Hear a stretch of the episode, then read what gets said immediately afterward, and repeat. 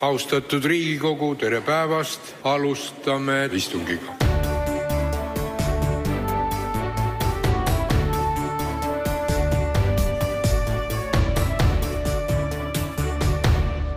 tere tulemast taas Delfi valimissaatesse Tagatuba. meil on täna käsil või võtame käsile ühe kuuma teema väga paljude inimeste jaoks ehk siis palga ja tahaks arutada seda, kuidas äh, saaks palka tõsta järgmistel aastatel. Äh, selleks on mul stuudios väga hea meel tervitada ettevõtlusministrit äh, Rene Tammistit sotsiaaldemokraatide ridadest. tervist. ja Reformierakonnast värskelt siis liitunud Reformierakonnaga ja Riigikokku pürgivat majanduseksperti ja tegelast Andres Sutti. tervist um, Äh, härrad, alustame kohe pihta sellest, et, äh, et äh, siin ei ole midagi salata. Eesti on Euroopa hinnatõusude edetabeli tipus taas. muidugi on kasvanud ka keskmised palgad, aga, aga keskmine palk ei näita veel kõike. see pole kaugeltki see, kui palju siis enamus või, või inimesi palka saavad, sellepärast et mediaanpalk, mis näitab seda, kui palju on inimesi siis keskmiselt või ütleme siis kus, kus asub see poolitumisjoon, et äh, millest pool inimesi saab vähem ja pool rohkem, äh, asub tuntavalt allpool. Äh, mida, mida, mida saab teha järgmine valitsus, et, et inimeste palk kasvaks, alustame Rene sinust.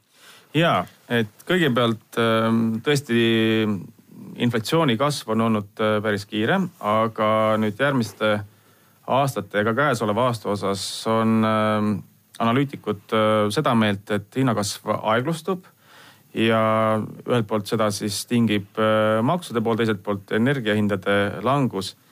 ja teiselt poolt palga reaalkasv on olnud ju positiivne viimastel aastatel ja ka järgmised aastased oot-, ootused on need, et palga kasv on jätkuvalt positiivne nii et äh, kuskil kolmeprotsendilist äh, palga reaalkasvu järgmistel aastatel äh, saame oodata. Ja aga ma segan vahele. Selles mõttes, et eksperdid, kui räägivad inflatsiooni taandumisest, tavaliselt see on, see on niisugune Äh, positsioon, mille, mille rahandusministeerium alati võtab ja ütleb, et no järgmine aasta tuleb väiksem inflatsioon, aga siis midagi juhtub, siis, siis äh, Saudi Araabias lähevad mingisugused äh, naftatornid kinni ja, ja ikka kasvab inflatsioon. eks energiahindade, eriti nafta hinna kasvu osas ongi raske prognoosi teha, et see on natukene õunte pealt või oraste pealt ennustamine. aga teiselt poolt, kui me vaatame nagu maksude sisendit, siis käesoleva aasta riigieelarve kontekstis äh, valitsus otsustas äh, noh, näiteks äh, mõned aktsiisitõusud ära jätta ja, ja see kindlasti on avaldamas mõju ka siis aktsiisidele. ja, ja hiljaaegu ka Konjunktuuriinstituut esitles enda ootusi ja ekspertide ootusi ja, ja seal oli samamoodi see hinnakasvu ootus madalam. nüüd mis puudutab palgakasvu, äh, siis äh, tööjõu nappusest tingituna palgakasv äh, on endiselt ja palgasurve on tugev. ja, ja see kindlasti on keeruliseks väljakutseks meie ettevõtetele. ja, ja see palgakasv on olnud ka erinev, ütleme, et ehituses ja töötlevas tööstuses on kasv pigem olnud aeglasem, teenindussektoris kiirem ja, ja loomulikult on ka regiooniti see palgakasv olnud äh, erinev. okei okay, äh,, regioonis ma, ma vahepeal küsin Andrese käest, et äh,, et äh, kuidas siis poes käia on äh,? tundub kõik, et, äh, et jätkuvalt saab endale lubada? no kui me nüüd hinnatõusust räägime, siis see on kindlasti Eesti inimeste jaoks äh, olnud kõige suurem äh, probleem, mida on ka selgelt välja toodud ja, ja siin oli küll juttu, et maailmaturu hinnad energeetikas on, on seda mingil määral mõjutanud, et see on tõsi. et noh, valitsus ei kontrolli kõiki hindu, aga kindlasti on aktsiisipoliitika olnud üks oluline hinnatõusu lükkav, lükkav tegur ja ja tegelikult ju aktsiisid tõusevad veel, et sellel aastal tõusis kakskümmend viis protsenti maagaasi aktsiis, äh, tõuseb ka veel kakskümmend viis protsenti järgmisel aastal. nii et noh, need on nagu siuksed majanduspoliitilised sammud, mida noh, tegelikult hinnatõusu jaoks tegema ei peaks. et, et noh, pigem pigem me võiksime vaadata ka seda näiteks, et kui tarbimise, küsisid tarbimise kohta, et palgad on küll kasvanud, aga eratarbimine on kasvanud äh, palju vähem ja ma arvan, üks põhjus on kindlasti ka ebakindlus, mis äh, inimestel on hinnatõusu ja tuleviku osas. nii et selles mõttes äh, on, on kindlasti selline ebaselgus maksupoliitika osas inimeste käitumist mõjutanud.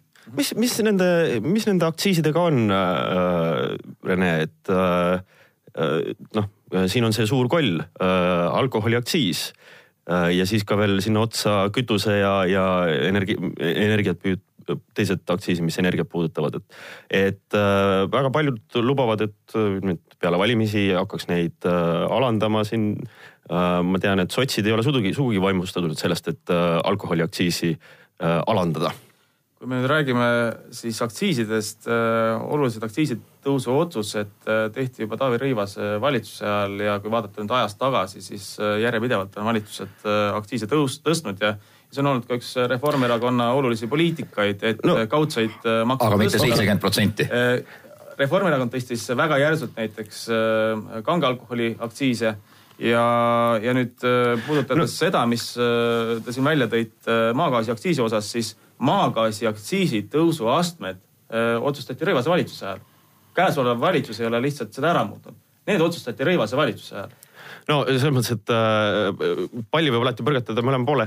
piirikaubandus tekkis siiski äh,, siiski viimase kahe aasta jooksul ehk siis äh, sihukene suurem ralli Lätti, inimesed näete, ei jaksa Eestist äh, osta, lähevad ja viivad oma raha Lätti, et äh, võib-olla oleks targem, kui nad oma palga Eestis kulutaksid.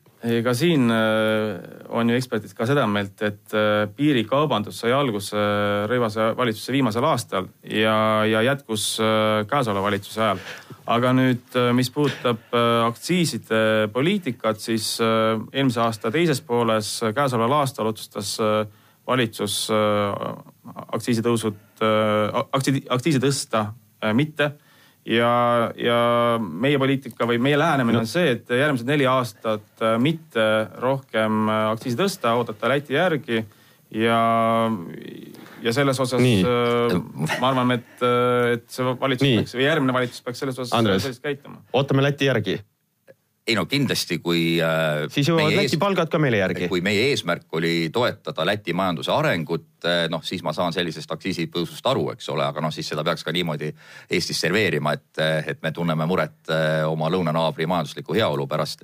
et ma arvan, et, et selle maksupoliitika nüüd, mis praegune valitsus on teinud et see on ikkagi väga selge näide sellest, kuidas otsuste juures ei arvestata rahvusvahelist konkurentsipositsiooni et, et kui natuke oleks vaadanud ringi äh, teiste riikide kogemust, äh, siis äh, ma arvan, sellise aktsiisi aktsiisitõusu otsusteni vaevalt, et oleks, oleks jõutud. nii et ma arvan, selle koha pealt oleme lihtsalt väga palju raha jätnud Lätti, mida oleks saanud palju paremini siin kasutada. okei okay. äh,, lähme nüüd nendest aktsiisidest edasi, neist on väga palju räägitud. ja ma lihtsalt korraks markeerin ikkagi ära, et need aktsiisitõusu otsused, need pandi alused juba kange alkoholi otsas äh, Taavi Rõivase valitsuse ajal ja piirikaubandus sai ka aluse sellel ajal. aga me räägime oluliselt erinevatest äh, tempodest no,, millega on, olnud... on aktsiise tõstetud, aga siin meil ongi erinev okay. arvamus. Teil on olnud alati võimalus Rõivase valitsuse otsuseid ümber teha, aga äh, lähme nüüd edasi äh, siiski selle palgaküsimusega, et äh, kui ma loen äh, erinevaid äh, erakondade programme äh,, siis räägitakse seal palju äh, just nimelt äh, riigieelarvest saa, palka saavate inimeste äh, nii-öelda äh, sissetulekute kasvatamisest, et äh, noh, sotsid panid siin, niisuguse juba detsembris oma programmis maha väga sihukest, et, et õpetajate palk peaks tõusma seal kahe tuhande euroni miinimum ja, ja samuti noh, rääkisite päästjate ja, ja politseinike kasvust. Reformierakond ja teised on isegi kaasa tulnud seal, õpetajate palgal lubatakse suurt, et et kas me hakkame kõik õpetajaks, et, et saada head palka kaks tuhat eurot või, või kuidas nagu need inimesed siis palka juurde saavad, kes töötavad erasektoris? ja, et palgakasv on äh, tegelikult olnud ju kiire kõikides sektorites ja, ja sedapuhku, kui võrreldes nüüd siin äh, enne seda suurt kriisi aega, siis äh, palgakasvu ei pea avalik sektor ja, ja selles osas pigem need need palgatõusud, mis on toimunud avalikus sektoris, on toimunud sisemiste ressursside arvelt. ja, ja kui vaadata nüüd ka valitsuse eelarvepoliitikat, siis see on kindlasti olnud vastutustundlik. käesolevaks aastaks on eesmärgiks struktuurne tasakaal, nominaalne ülejääk ja, ja, ja loomulikult äh, küsimus laiemalt on see, kuidas siis äh, noh, meie inimestele maksta väärikat palka ja, ja seda kestvalt teha. Ja siin on äh, pigem küsimus selles, et, et kuidas nende väheste inimestega võimalikult palju väärtust luua. ja siin me jõuame küsimuste juurde nagu millised on meie inimeste teadmised ja oskused oluline on see, et, et nende oskused oleksid maksimaalselt parimad äh, kõikjal Eestis. Äh, samuti, milline on äh, meie innovatsioon, teadmismahukus, kuidas meie ettevõtjad suudavad rohkem efektiivistuda, kasutada rohkem moodsaid tehnoloogiaid, robotiseerida, automatiseerida, et need on sellised suured väljakutsed, mis meie majanduses ees seisavad. ma selles mõttes äh, võib-olla äh, alustaks korra selle eelarvepoliitika vastutustundlikkuse küsimusest, et kui ma vaatan kaks tuhat seitseteist numbreid, kui majandus kasvas nominaalselt kaheksa protsenti, siis oli äh, eelarve nominaalselt defitsiidis, et noh, seda on nagu küll väga raske nimetada vastutustundlikuks eelarvepoliitikaks. et noh, elu on ka väga selgelt näidanud nii Eestis kui ka mujal, et kui avalik sektor veab palgatõusu, siis noh, selgelt majanduse konkurentsivõimet õõnestab ja pidurdab ka kasvu ja ma olen päris palju kohtunud nüüd äh, enne äh, valimisi äh, erinevate ettevõtjatega, ka ettevõtlusorganisatsioonidega, näiteks IT-vallast.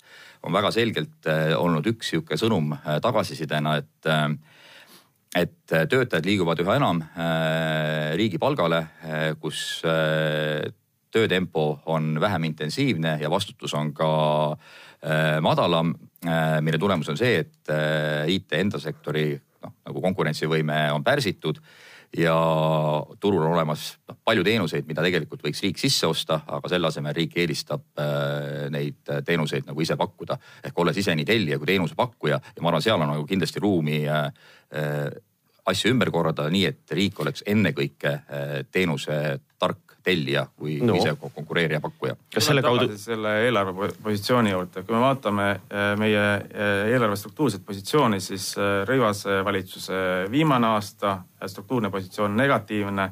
samuti vaatame Ansipi viimast aastat, struktuurne positsioon negatiivne ja käesolevaks aastaks on eesmärk struktuurne tasakaal ja siis ülejärgmiseks aastaks juba positiivne positsioon nii et äh, see vast-, valitsus ajab kindlasti vastutustundlikku eelarvepoliitikat ja see, ma usun, on äh, Reformierakonnale üllatuseks ja see võtab ka Reformierakonnalt väga palju ka argumente ära, kui varasemalt just äh, võib-olla Keskerakond rääkis sellest, et võtame palju laenu, kui, kui valitsusse saame, siis, siis tegelikkus, mis on juhtunud, on see, et see valitsus maksab okay. tagasi vähendab okay. riigivõlga. ja vähendab reserve.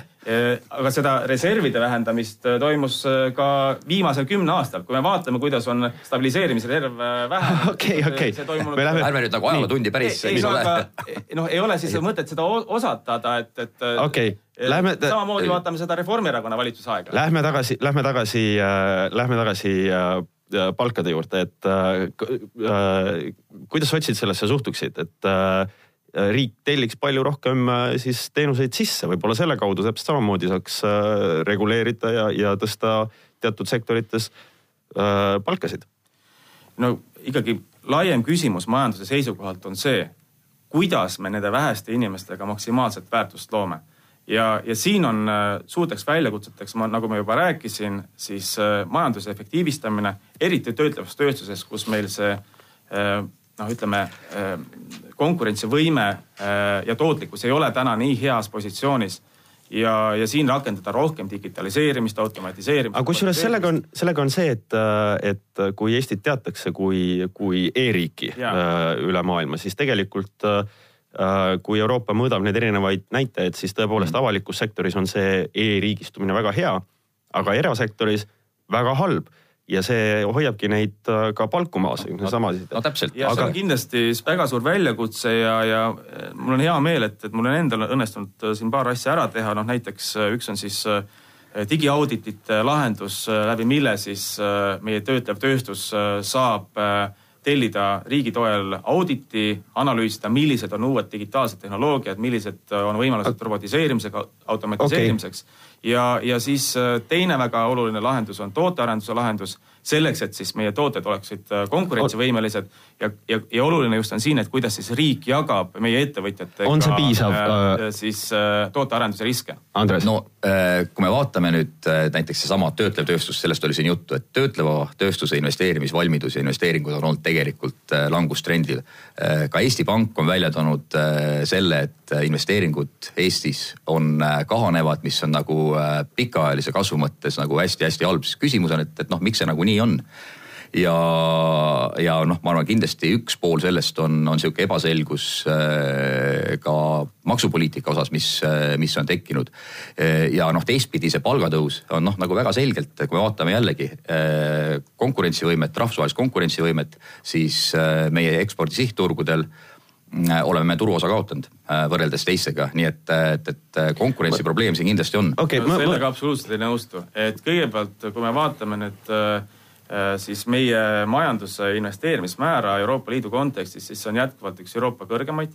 see on, äh, oli viimastel aastatel madalam, kuid eelmise aasta keskel pöörus tõusule ja nii Eesti Pank, see oli äh, viimasest kvartaalsest raportist, mille Eesti Pank välja andis ja nii Eesti Pank kui näiteks ka Rahandusministeerium mõlemad ootavad käesoleval aastal ja ka järgmisel aastal investeeringute kasvu ja seda on näha ka ühelt poolt äh, Äh, EAS-i tegevusest, äh, mis puudutab äh, väl, välisinvesteeringuid. ja, ja siin on välisinvesteeringuid kaasatud eelmisel aastal rekordiliselt ja ka näiteks, kui me vaatame meie idufirmade käekäiku, siis Eesti idufirmad kaasasid eelmisel aastal rohkem kapitali kui kogu Aafrika idufirmad kokku ja, ja eelmisel aastal tunnistati ka Eesti idufirmade ärikeskkond äh, okay. maailma kõige konkurentsivõimelisemaks. nii et, äh, et investeeringute osas äh, on olukord kindlasti paranemas ja selle nimel tuleb väga tõsiselt aga, aga teha. ma küsin, ma küsin selles mõttes, et sa räägid niimoodi väga üldist ministri juttu millised konkreetsed investeeringud, äh, sulle allub ka EAS, oled toonud siia, mitu töökohta oled loonud äh, Tallinnas ja Tallinnast väljas? EAS paneb oma numbreid veel kokku, aga EAS-i vahendusel eelmisel aastal laekus enam kui kolmsada miljonit investeeringuid, et täpne number on veel nüüd kokkupanemisel ja, ja seda numbrit aasta jooksul korrigeeriti, eelmise aasta alguses rakendus uus äridiplomaatia strateegia Äh, kus äh, siis pandi kõikidele äh, meie EAS-i esindajatele ka konkreetsed eesmärgid, kui palju tuleb investeeringuid riiki tuua. ja need eesmärgid said kuhjaga täidetud. Nii et okay. ja teine, teine osa sellest tööst, mis käesoleval aastal käivitub, on seotud siis väärtuspakkumistega konkreetsetele sektoritele. Okay.. IKT, toit ja, ja puit. Andres, väga hea, IKT ja toit, kolmsada miljonit toodi samas jäi miljardiline tehas ehitamata. Äh, no kindlasti see on nagu ettevõtlus äh, noh, kliimaküsimus, eks ole, et, et, et millist, äh, millist signaali me investorile saadame kindlasti on seal, ma ei tea küll, mis tuleb nüüd nagu vastuseks, et noh, et teil kohalik ju linnapea oli ka selle investeeringule vastu. ja kogukondadega tuleb rääkida, see on nagu väga-väga mõistlik asi, aga noh, lõpetada otsus äh, ilma äh, isegi uuringuta, noh, minu meelest on, on üsna kummaline. nüüd äh, kui rääkida sellest, eh, kui tubli Eesti on investeeringute ligimeelitamisel, siis seesama Eesti Panga uuring eh, viimasest kvartali aruandest noh, tegelikult näitas, et Eesti ikkagi oli natuke allapoole Euroopa Liidu keskmist, mis ligimeelitamise osas,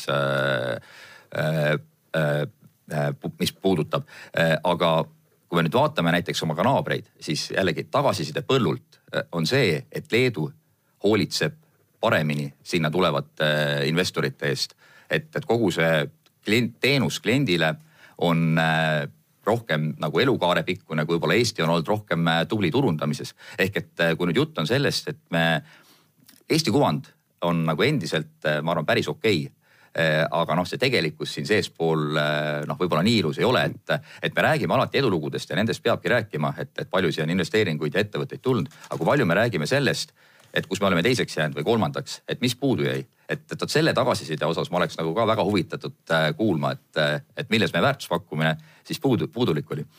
ja kindlasti siin äh, annab rohkem ära teha, aga, aga jätkuvalt Eesti majandusinvesteerimismäär on Euroopa Liidu kõrgemaid ja nüüd väärtuspakkumistest, millest ma juba alustasin rääkimist, konkreetselt siis on suunatud kolmele sektorile IKT, toit ja puit ja just selleks, et meelitada ligi kõrgemat lisandväärtust pakkuvaid investeeringuid ja, ja selleks. aga, aga nüüd räägi, räägi, anna nagu konkreetselt ja. aimu inimestele, et noh, mida, ma saan aru, IKT, toit ja puit, eks ju, aga siis mis, mis tehaseid me tahaks saada järgmise jooksul, siis paari aasta jooksul või palju see, vähemalt nelja aasta jooksul, eks ju, kui on järgmine Riigikogu. mitu töökohta, mis see, mis see nagu, kuidas sa näed ise, et, ja et äh, EAS-i uus strateegia paneb ka väga konkreetsed eesmärgid paika, kui palju me tahame investeeringuid saada ja äh, ja nüüd äh, need, nende väärtuspakkumiste sisu on siis iga konkreetse investeeringuga pakkuda selliseid nii-öelda rätseplahendusi, vaadata konkreetselt, mis on siis need ootused investoril ja kasutada ära maksimaalselt kõik võimalused, et okay, okay, okay. see investeering just, just, just. Äh, Eesti jõuaks. aga, aga palju. ja, ja oluline on just, ja oluline on, on see just, et, et kui me võtame näiteks äh, toiduainesektor, et siis ei toimuks äh, just tooraine väljavedu või puidusektor ei toimuks tooraine väljavedu, vaid, vaid toimuks selle tooraine väärindamine Eestis ja no näiteks piim või teravili või siis paberipuit, et need on need need valdkonnad, kus, kus me ootame, et, et, investeeringud siis seda ressurssi okay. rohkem väärindaksid. palju töökohti? Äh, nüüd EAS-i eesmärkideks on siis poolteist miljardit investeeringuid aastani kaks tuhat kakskümmend kolm. Ja, ja ka sellega on seotud siis konkreetsed töökohtade eesmärgid. ja nüüd mis puudutab äh, meie konkurentsivõimet, siis äh, meil on jätkuvalt äh, väga atraktiivne ärikeskkond, seda tunnustatakse, meil on lihtne asju ajada. ja, ja, ja see, me... see on, see on üks okay., üks suuri konkurentsieeliseid okay.. aga, aga loomulikult me saame rohkem ära teha, ma olen sellega nõus. okei okay,, okei okay., aga kas me suudame järgmise nelja aasta jooksul hoida oma edu noh, kasvõi ütleme siis sellesama palganäitaja suhtes, et Läti ja Leedu ees, et kui Andres ütles, et Leedus läheb keskkond, on, on mingisugused märgid, et seal on sõbralikumad investeeringute vastu, küll siis ka palgad kasvavad. nagu ma ütlesin, siis äh, kõige suuremaks väljakutseks ja hiljuti Eestit väisanud äh, maailma tasemel äh, majandusteadlane Jeffrey Sachs rõhutas ka seda, et kõige olulisemaks väljakutseks on inimeste teadmised ja oskused. kui me vaatame tegelikult seda, et milline on näiteks töövõimereformi mõju tänasele tööjõu pakkumisele siis, äh, siis äh, noh, paljuski inimesed on liikunud äh, madala tootlikkusega sektoritesse, aga tegelikult me peaksime panema rohkem rõhku sellele, et nende inimeste oskused maksimaalselt head. kuidas me paneme tööle paremini oma kutseharidussüsteemi? Eh, oma regionaalset eh, ülikoolide kolledžit, oma kõrgharidussüsteemi selleks, et eh, maksimaalselt inimeste Nii. teadmisi ja oskusi. minister, Andres, minister tunnistas, et, et hõive kasvab küll, aga eks ju tööjõud liigub sealt töö, töövõimereformi kaudu madala, madalapalgalistele kohtadele. kuidas me need siis kõrgepalgalisteks muudame? No ega siis kõrgepalgalised äh, töökohad on äh, ju puhtalt investeerimiskliima ja, ja ettevõtete investeerimisvalmiduse äh, küsimus, et, et kui me vaatame, mis on need neli tegurit, mis tegelikult majanduskasvu pikaajaliselt mõjutavad, on riigi stardipositsioon, investeeringud, innovatsioon ja riiklike institutsioonide kvaliteet, et stardipositsiooniga ma arvan, meil kõik väga hästi nüüd, kui me räägime innovatsioonist ja investeeringutest, investeeringutest oli nagu juttu juba natuke. Äh, ka Eesti Pank ütles, et investeeringute tase on olnud äh, kahanev ja pikaajalist potentsiaali see kindlasti mõjutab negatiivselt. innovatsioonist. Euroopa Liidu innovatsiooni tulemuslikkuse edetabelis oleme me olnud selgelt langustrendil OECD riikidest oleme viimasel kohal, mis puudutab uute innovaadi-, innovaatiliste toodete ja teenuste turule toomist. nii et ma arvan, meil on siin nagu ruumi asjade paremaks tegemiseks küll ja veel ja ma toon veel mõned nagu paar konkreetsed näited, mis on tulnud just nagu välisinvestori poolt, poolt tagasisidena.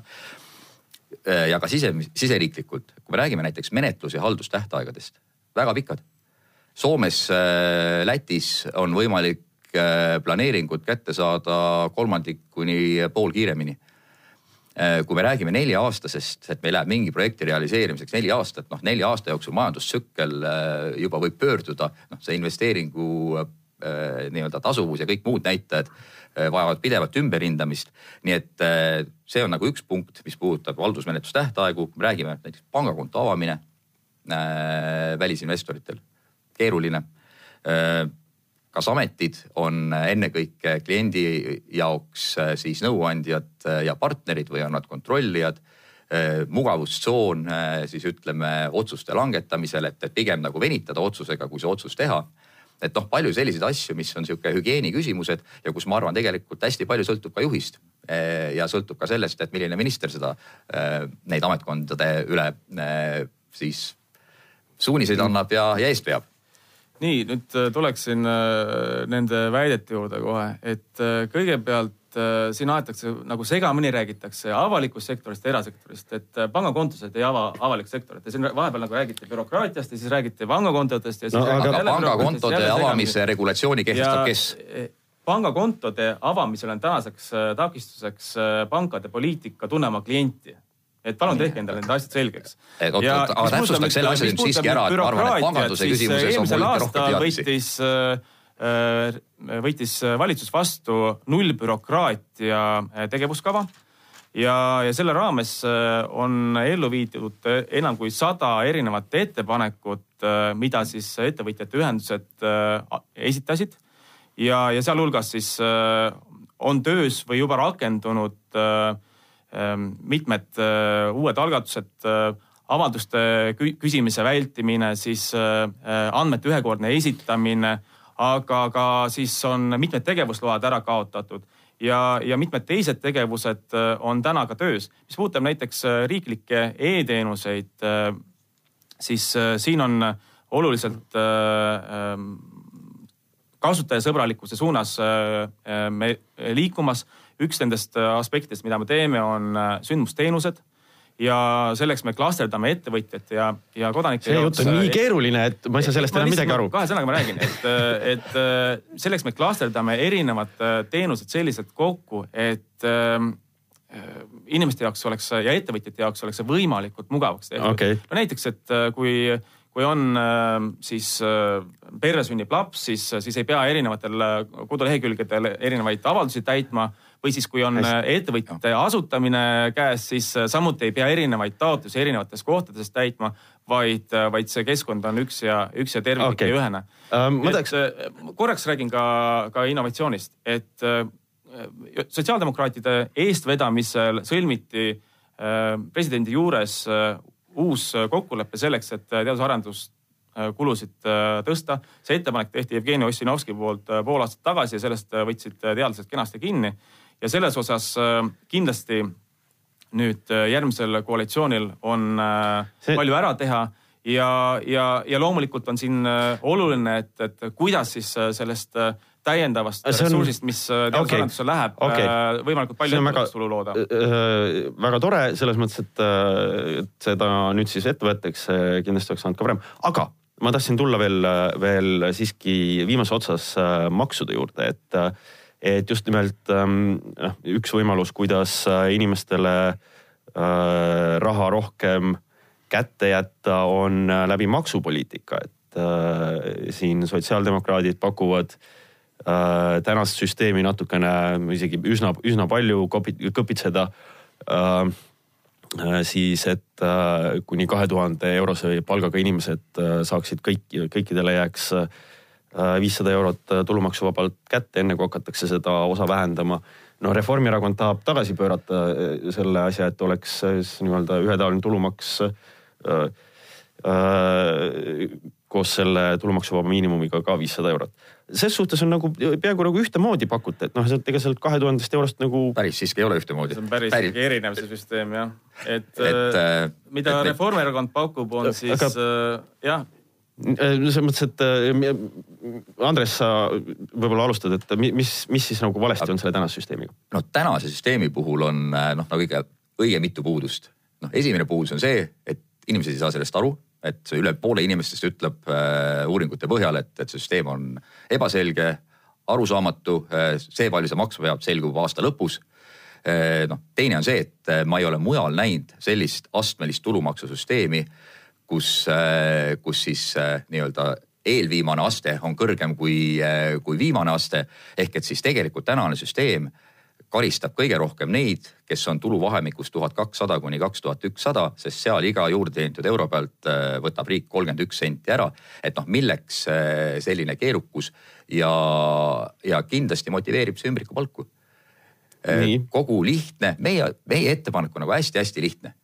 viissada eurot tulumaksuvaba kõigile ja sealt edasi maksavad kõik kakskümmend protsenti, see ei sul ei ole vaja mõelda, et milline su selle konkreetse kuu tulumaksuvaba miinimum on või ei ole, saad rahulikult toimetada, motiveerib äh, sooritust, ettevõtlikkust äh, ja ei karista mitte kedagi. nii et äh, teeme nagu selle asja korda ja ma arvan, läheb ka majandus paremaks.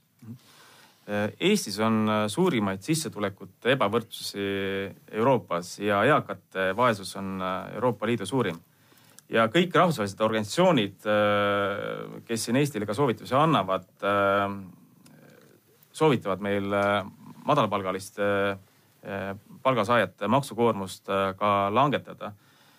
Reformierakonna ettepanek on kõigepealt maksukingitus kõige jõukamatele seitsekümmend viis protsenti palgasaajatest ei võida Reformierakonna ei, no, sama, ettepanekust sama, mitte midagi samas no, kui sotsiaaldemokraatide ettepanekust äh, võidab üheksakümmend protsenti no, äh, palgasaajatest. Äh, palgasaajatest küll, aga madala palgasaajatest, et kui see on nagu see probleem, eks ju, ja, ja. kas ma tohiksin lõpetada? ja, ja Reformierakonna ettepaneku hind, mis on ebaõigluse tipp ja mis tuleb maksta meil kõigil kinni, on kakssada miljonit eurot.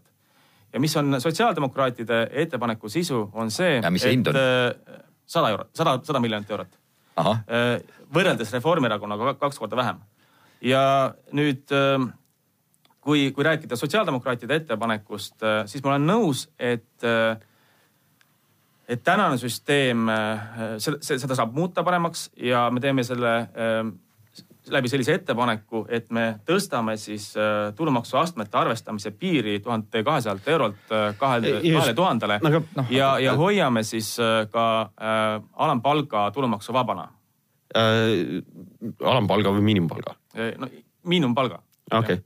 äh,, selles mõttes, et äh, see tähendab seda, et, äh, et tuleb ka seda tulumaksuvaba miinimumi äh, tõsta. tõsta ja meie arvutuste mm. kohaselt on sada miljonit eurot selle ettepaneku hind ja Reformierakonna see... maksukingituse hind kõige jõukamatele. ei ole kõige jõukam, ärme nagu selles mõttes nüüd aja nagu õunu ja apelsine omavahel segamini, et sellest, kui on viissada eurot maksuvaba miinimum ühetaoliselt kõigile, võidavad kõik ei ole nii, et võidavad ainult äh, seitsekümmend viis protsenti palgasaajatest sellest ja äh, kaotavad. Te olete härra Sutt analüütiline inimene, et ja, millist probleemi me siin lahendame? me lahendame sellist probleemi, et Eesti maksusüsteem oleks taas selline, millest inimesed aru saavad, mis motiveerib töötamist ja mis motiveerib kõrgepalgalisi äh, töökohti. Te teete ühe, maksukingituse meie kõigi arvelt kõige jõukamatele. ma siiski. üks nagu tähelepanek on veel, et, et jutt oli eakate ebavõrdsus on äh, nagu kõige suurem. et äh, mida teeb praegune tulumaksusüsteem äh, pensionäridega võrreldes sellega, mis ennem oli? meie oli. ettepanek on seda süsteemi muuta selliselt, et et pension siis äh, oleks, äh, keskmine pension oleks äh, tulumaksuvaba no,. väga hea, et teil on ja, samasugune ettepanek kui meil. ja pensionärid saaksid samuti kasutada seda siis maksumuudatust, mida meie rakendame siis kõikidele palgasaajatele. nii et Nii. kindlasti pensionite maksustamist tuleb õiglasemaks muuta, aga jätkuvalt, kui me vaatame siis teie maksukingitust kõige jõukamatele siis äh, paneme siia hinnasildid okay, juurde. kuuskümmend okay. miljonit eurot me... Äh, tasuta lasteaed, kuuskümmend viis miljonit eurot äh, lastetoetuse tõus, omastehoolduse reform nelikümmend miljonit. et te teete kõige jõukamatele kingituse kõige väetimate arvelt absoluutselt ei ole nõus. väga ebaõiglane. absoluutselt ei ole nõus. jah, jah, okei okay ma küll selget vastust ei kuulnud sellele, et, et kuidas nagu kõige väiksemate palkadega inimeste siis äh, võidavad mõlemast plaanist. aga ju see selgub äh, peale valimisi ja siis, kui hakkavad tulema äh, uue tulumaksusüsteemi järgsed tagastused ja, ja maksude edastused, aga tänan härradele stuudiosse tulemast, kohtume järgmine nädal taas